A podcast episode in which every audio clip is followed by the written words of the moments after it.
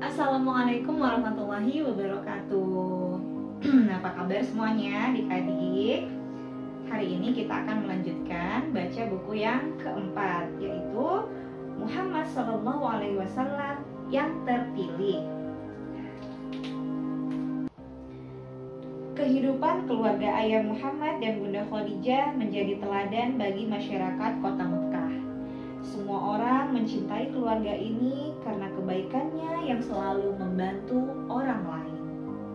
Al-Mahbub atau yang dicintai adalah gelar lain untuk ayah Muhammad selain Al-Amin atau yang terpercaya. Ini menunjukkan bahwa ayah Muhammad mempunyai kedudukan yang sangat penting di Makkah. Ayah Muhammad tetaplah orang yang rendah hati dan rajin beribadah.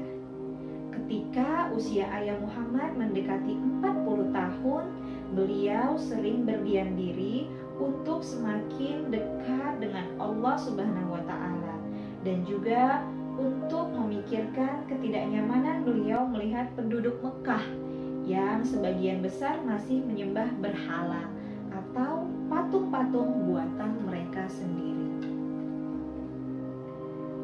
menyendiri membuat beliau bisa merenung dan memikirkan banyak hal, termasuk menghilangkan sifat-sifat yang mungkin ada, seperti berbuat ria atau pamer, sombong, atau menyakiti orang lain. Meski sesungguhnya sifat-sifat itu tidak ada dalam diri beliau. Ayah Muhammad terus melakukan kegiatan itu hingga tiga tahun lamanya. Kadang beliau menyendiri hanya untuk beberapa hari saja. Tetapi pernah juga untuk satu bulan lamanya. Sesekali ayah Muhammad pulang untuk menyiapkan bekal dan bertemu keluarga.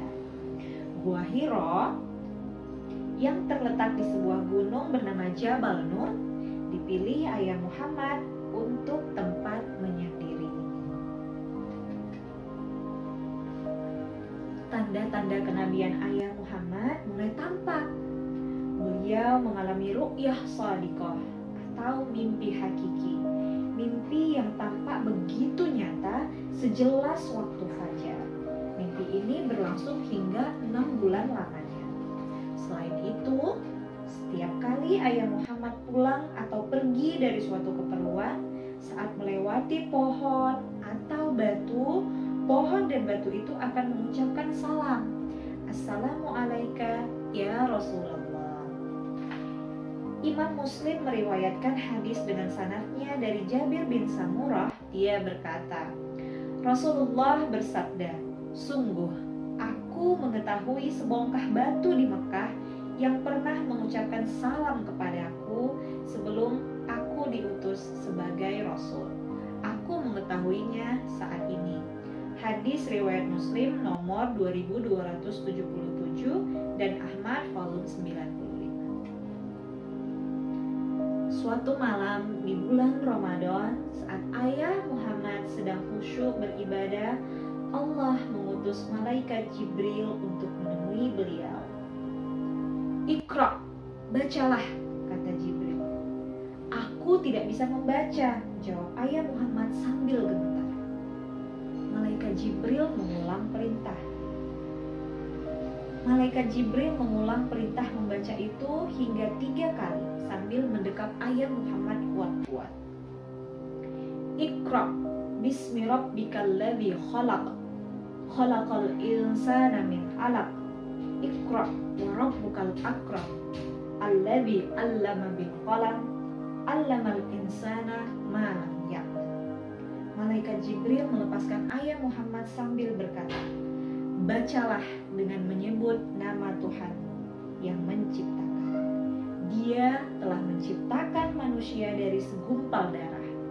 Bacalah, dan Tuhanmu lah yang paling maha mulia, yang mengajar manusia dengan pena manusia apa yang tidak diketahuinya. Quran Surah Al-Anak ayat 1 sampai 5. Ayah Muhammad pulang dengan tubuh menggigil ketakutan. Beliau berkata kepada Bunda Khadijah, selimuti aku, selimuti aku, aku mengkhawatirkan diriku. Tidak demi Allah, Allah tidak akan menghinakanmu selamanya, karena engkau suka menyambung persaudaraan ikut meringankan beban orang lain, memberi makan orang miskin, menjamu tamu, dan menolong orang yang menegakkan kebenaran. Bunda Khadijah menghibur. Bunda Khadijah mengajak ayah Muhammad menemui Warokoh bin Naufal, sepupu Bunda Khadijah yang beragama Nasrani. Warokoh bin Naufal sudah tua dan penglihatannya. Itu adalah malaikat yang Allah turunkan kepada Musa. Andai saja aku masih hidup saat kau diusir kaummu, kata Warokoh setelah menyimak cerita. Apakah mereka akan mengusirku? Ayah Muhammad bertanya. Ya, tak seorang pun yang membawa ajaran atau risalah seperti yang kau bawa, melainkan pasti dimusuhi. Jika aku masih hidup saat itu, aku akan membelamu sekuat tenagaku. Jawab Warokoh. Tidak lama dari kejadian itu, Warokoh meninggal dunia.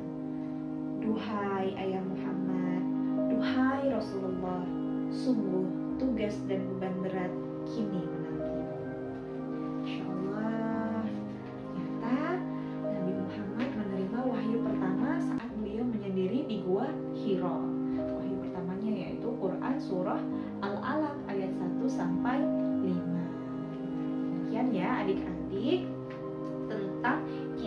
Bagaimana Nabi Muhammad pertama kali menerima wahyu.